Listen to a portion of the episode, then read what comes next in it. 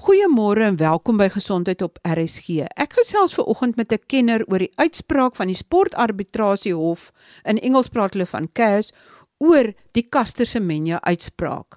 Oftewel, die uitspraak dat testosteroonvlakke in vroue in sekere items onder 'n sekere vlak moet wees.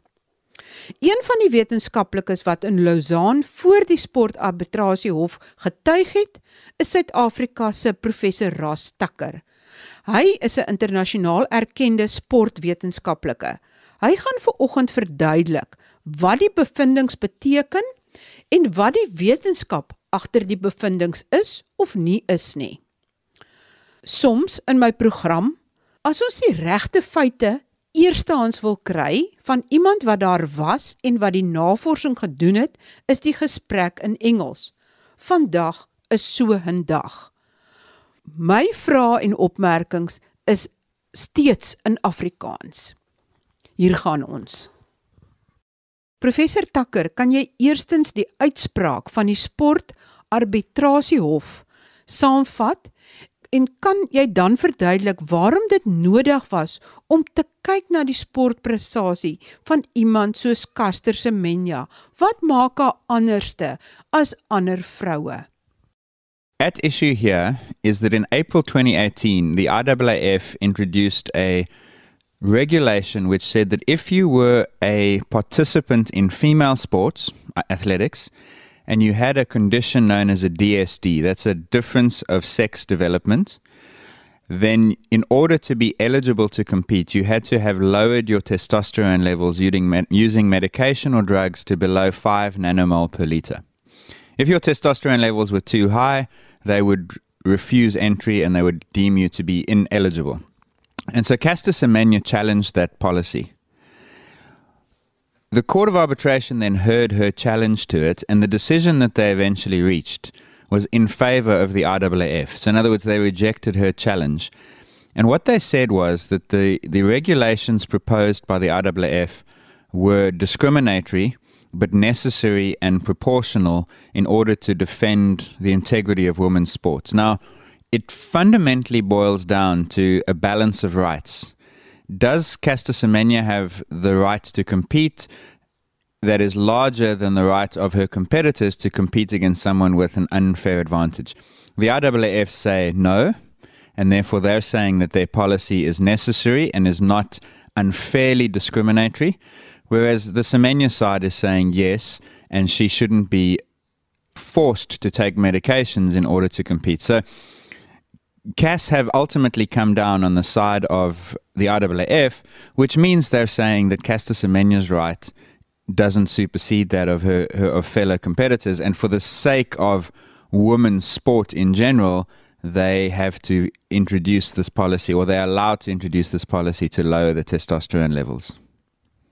Nou om te verstaan waarom hierdie nuwe regulasies in die eerste plek voorgestel is, moet ons verstaan dat ons inderdaad bekend is met twee geslagte, naamlik manlik en vroulik, maar die wêreld is nie so eenvoudig nie.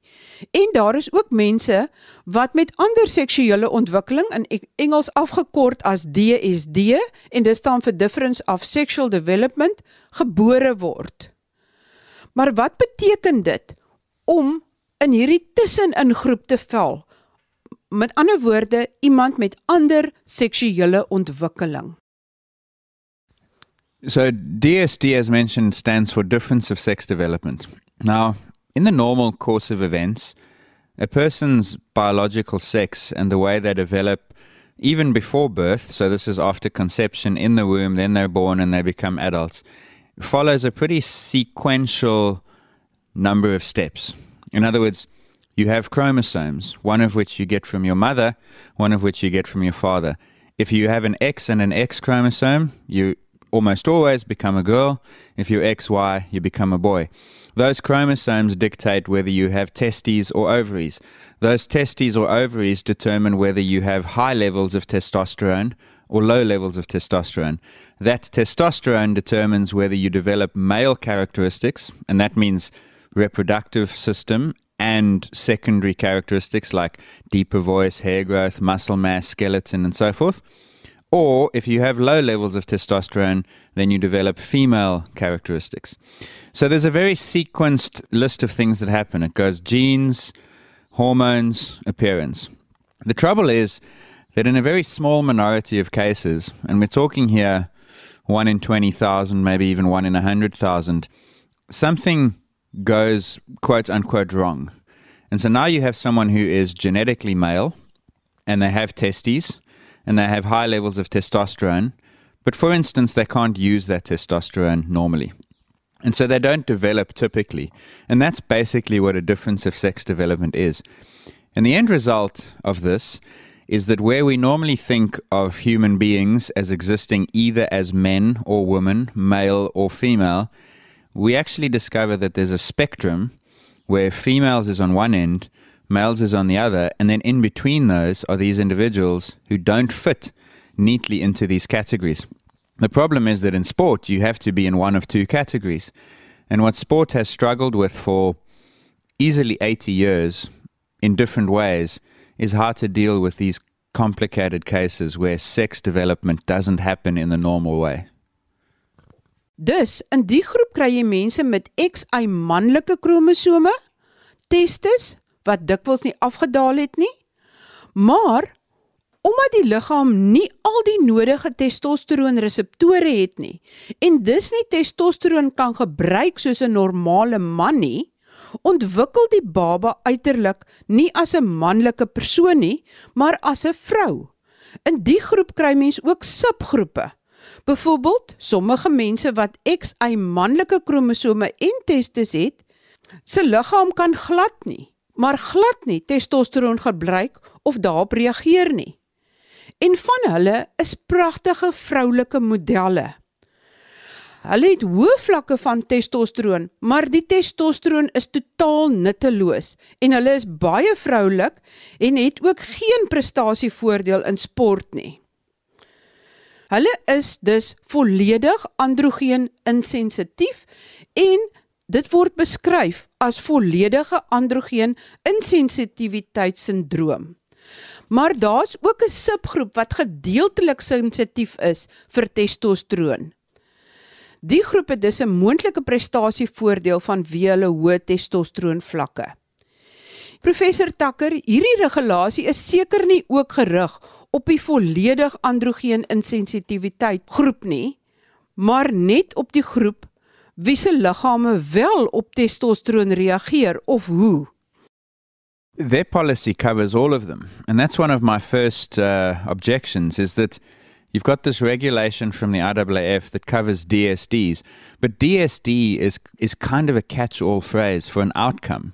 And there are a handful of different conditions. There are many of them, but in sport there's probably 3 or 4 conditions that can cause a DSD. And the IAAF regulation applies to them all equally, which means that someone who is completely unable to use testosterone is treated in the same way as someone who is able to use testosterone partly and someone who's able to use it fully but has other other problems downstream of that. So that creates a bit of a dilemma and an inconsistency. Now, the IAAF will argue that they've got systems in place to sidestep this potential problem. But the reality is that uh, a person who is able to use testosterone to some degree is treated the same, irrespective of how large that degree is. And so that means that until we can quantify the performance benefit of that degree, we are to some extent guessing, and there's a real possibility that you guess wrong. So this goes to how large a benefit do you get? Because if you develop as a female, or if you're enough of a female to be identified at birth as a girl, but you have the benefit of testosterone, in theory, you could get 0%, but you could get all the way up to 10 to 12%. That's the that's the difference between men and women when it comes to sports performance. Men are 12% faster than women at the elite level.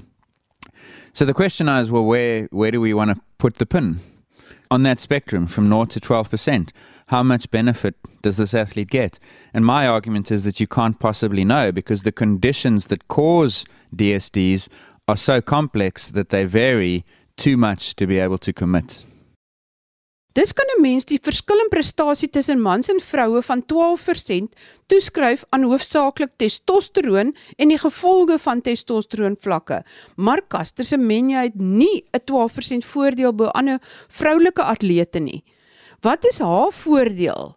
Omdat haar liggaam wel 'n gedeelte van die testosteroon kan gebruik, maar die ander deel nie kan gebruik nie.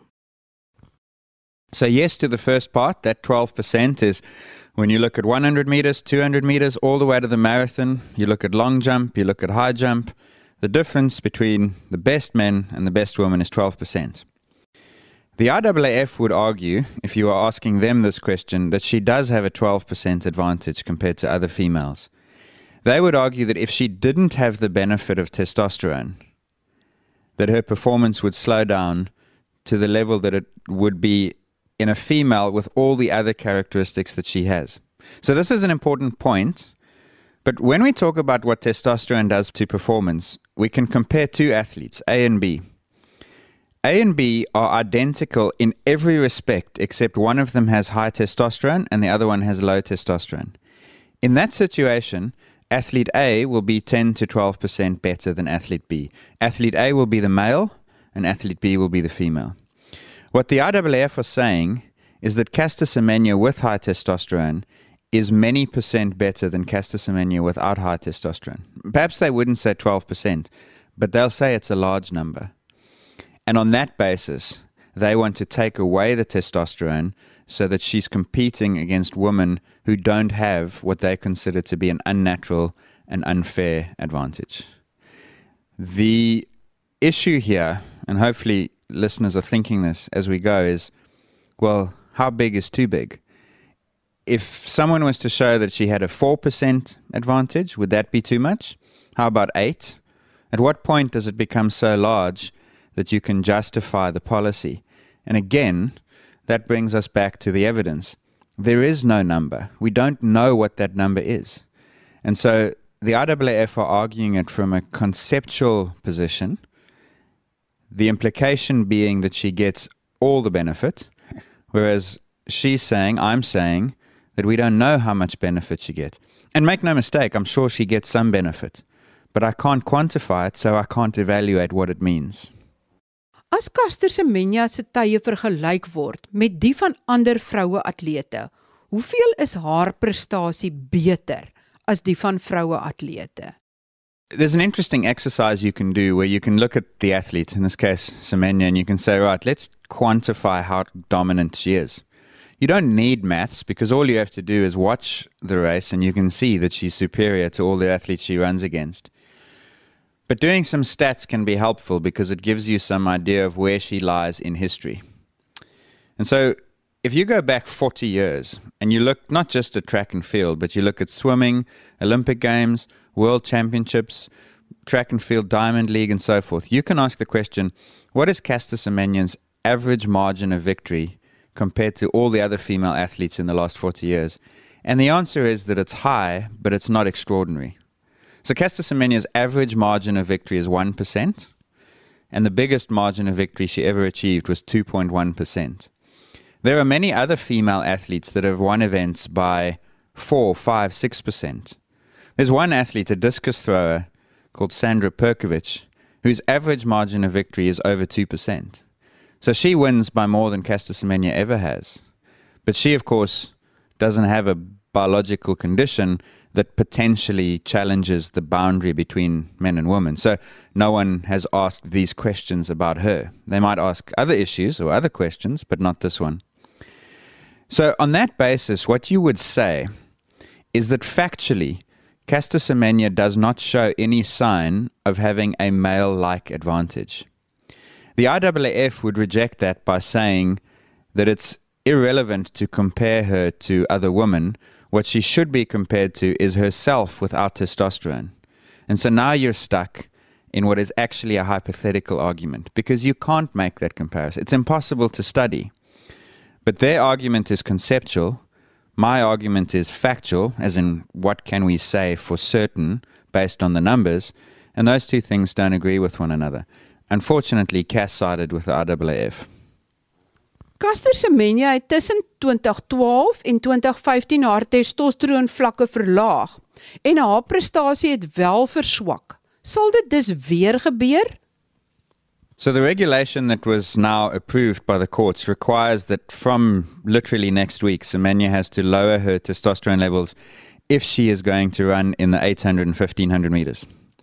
She could refuse that and try and run different events because only some events are covered by the policy, which is worth perhaps discussing in a moment.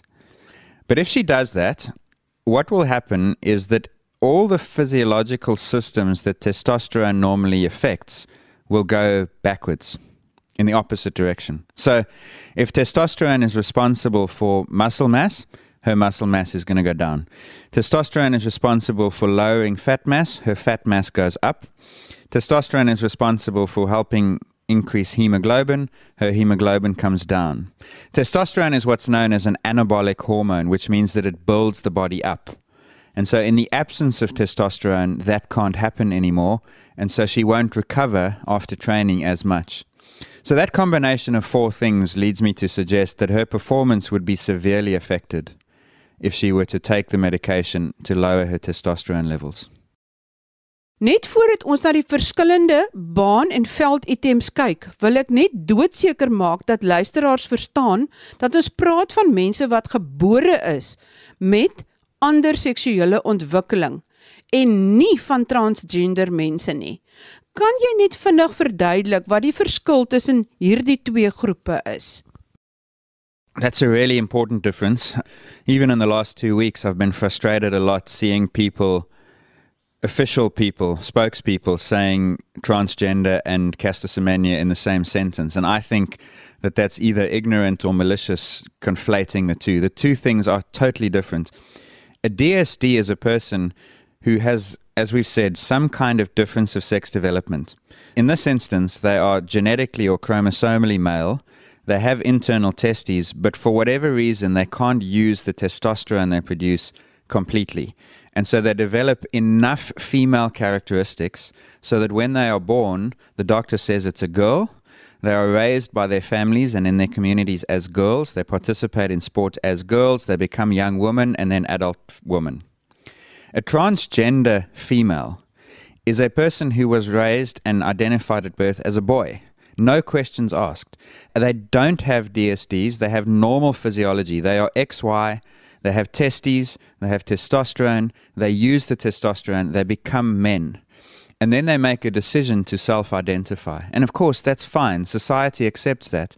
But when that biological male now wants to compete in women's sport, then something has to be done because that biological male has all the theoretical advantages of testosterone.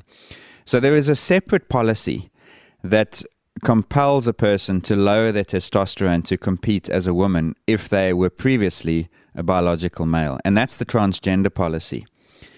The DSD policy, which is the one Caster Semenya challenged, overlaps a little bit because it also uses testosterone as its target, but it's a completely different population that it's applied to. And that's where I think people have to be cautious. Now, the end result of this CAS hearing is that the DSD policy and the transgender policy are used in pretty much the same way, but on different populations.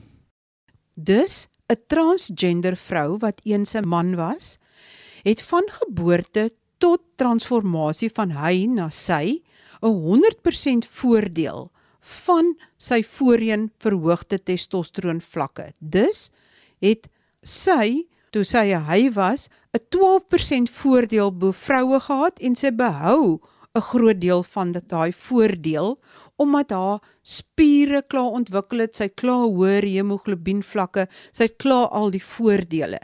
Terwyl die gedeeltelik androgeen insensitiwiteits atleet soos Caster Semenya net 'n persentasie van daardie voordeel het.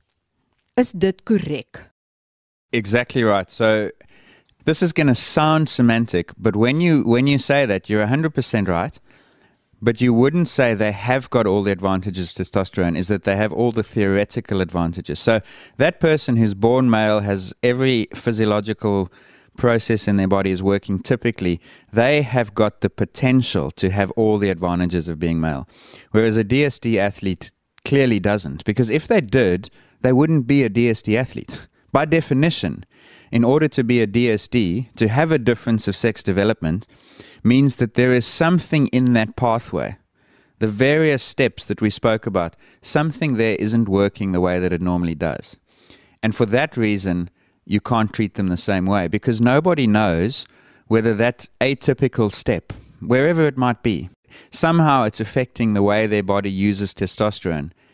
It's caused them to be a DSD rather than a male, and it may have performance implications, and nobody has been able to quantify that. Dan kom ons wel by die items. Hoe kan Caster Semenya wettig wees in die 3000 meter en die 5000 meter, maar onwettig in die 400 meter, 800 meter en 1500 meter? Is daar 'n wetenskaplike grondslag vir die bevindinge dat verhoogde testosteron vlakke net 'n voordeel in sommige nommers het, maar nie in ander nie? Sort of. There's a historical base for that in the sense that in 2015 there was a before this probably the biggest sports law case in history was brought by an Indian sprinter called Dutee Chand and it was very much about the same issue because this policy that we're discussing now has existed in some form for about 7 years. And at that time the policy said that every single event you had to have testosterone levels under 5 in order to be eligible as a woman. She challenged that and eventually she won her case. And what the court basically said was that we understand why the IAAF wants to regulate testosterone, but until they have evidence, they can't do it. So go away and bring back evidence. So the IAAF did that, and they went away and they did one or two, we call it one and a half studies, in which they tried to link testosterone to performance in female athletes. And so what they what they basically ended up finding is that having high testosterone gives you an advantage compared to having low testosterone in 5 events only. So there were 22 events in total I think. They found no effect in 17 of them, but in 5 events high testosterone is better than low testosterone. Those 5 were 400, 400 hurdles, 800 and then hammer and pole vault. So now they had some evidence. It was weak evidence, and the study that they did, we have absolutely torn apart, separate from this process. I think it's very poor research. But the point is that they'd been led by their evidence so that now they couldn't say 100, 200, 5,000, 10,000, long jump, high jump, marathon, because they had no evidence. They did have evidence in the 400, 800, and hurdles, and the hammer throw and pole vault. So then they sat down and they said, right, the regulations are going to apply to 400, 800, 400 hurdles. And then they added the 15, even though there was no evidence, and they took away the hammer and the pole vault because the effect they found in hammer and pole vault wasn't due to athletes with DSDs. So they said it was a coincidence.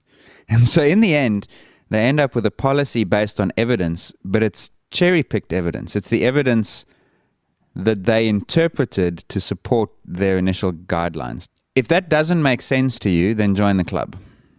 That's ultimately the big problem here, in my opinion, is if your theory is that testosterone gives athletes an advantage, that has to be true for every single event. 100 to marathon. We know that it's true because in every single event, men outperform women by the same amount.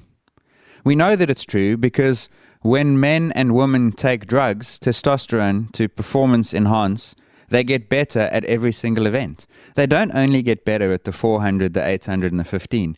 Yet somehow that's the only list of events that the IAAF are interested in regulating. So it's not targeted at Caster Semenya. It's somehow led by evidence, but that evidence creates a, a paradox that actually undermines their argument. Baie dankie aan professor Rastakker, internasionaal erkende sportwetenskaplike, oor sy insigte oor hierdie saak en ook oor die geslagtelike ontwikkeling van iemand soos Caster Semenya en dat ons dan kan verstaan dat hoewel 'n persoon soos Caster Semenya baie baie hoë testosteron vlakke het, dit nie altyd nuttige testosteron is nie. Met ander woorde dat sy dit nie noodwendig kan gebruik nie. Dat as sy waarlik dit kon gebruik, sou sy as 'n man ontwikkel het, volledig manlik. Maar juis omdat haar liggaam dit nie kan gebruik nie, is sy nie volledig manlik nie, maar uiterlike vrou.